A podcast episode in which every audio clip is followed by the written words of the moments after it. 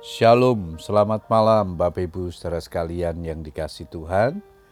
Kita bersyukur malam hari ini boleh datang kepada Tuhan untuk berdoa dan bersyukur kepada Tuhan setelah sepanjang hari ini kita menikmati segala kebaikan Tuhan.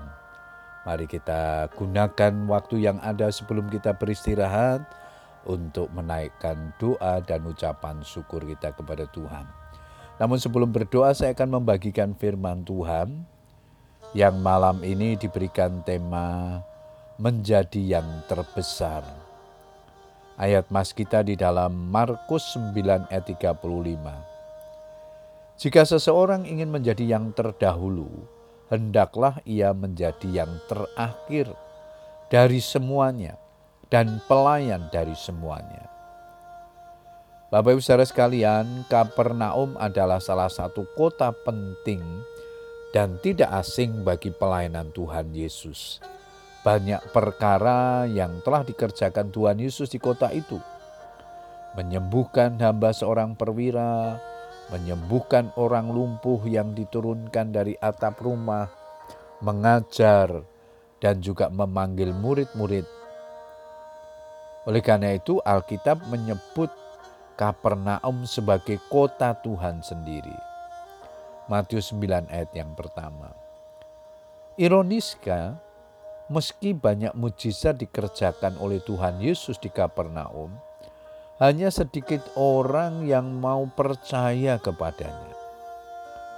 Di kota itu pula saat berkumpul dengan murid-muridnya, Tuhan Yesus mendengar perdebatan mereka yang mempersoalkan tentang siapa di antara mereka yang layak menjadi murid Tuhan yang terbesar. Terus terang tidak ada seorang pun yang mau menjadi orang yang terkecil, dipandang sebelah mata atau diremehkan oleh sesamanya.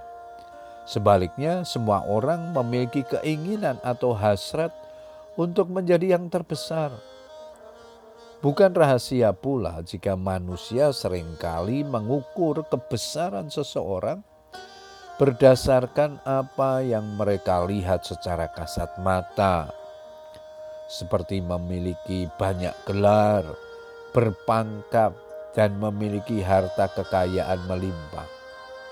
Oleh karena itu, dunia berpandangan bahwa orang yang terbesar adalah orang yang selalu dilayani dan disebut bos Sedangkan orang yang melayani adalah orang kecil atau bawahan.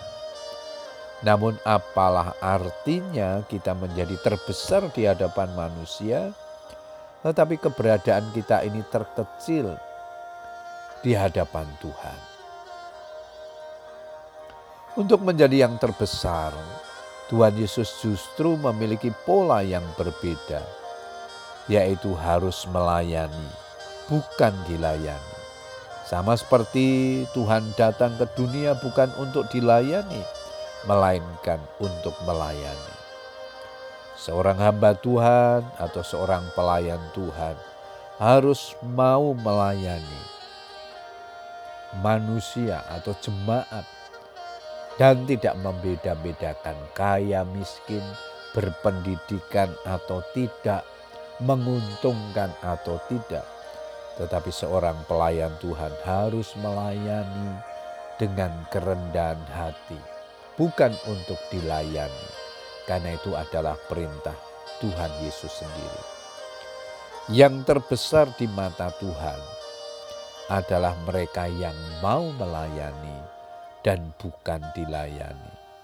Puji Tuhan Bapak Ibu Saudara sekalian, biarlah kebenaran firman Tuhan ini menolong kita.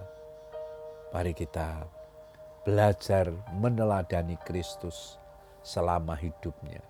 Dia datang ke dalam dunia ini untuk melayani kita, orang yang berdosa. Demikian juga Tuhan memanggil kita menjadi rekan sekerjanya untuk melayani jiwa-jiwa yang membutuhkan pelayanan kita. Selamat berdoa dengan keluarga kita. Tuhan Yesus memberkati. Amin.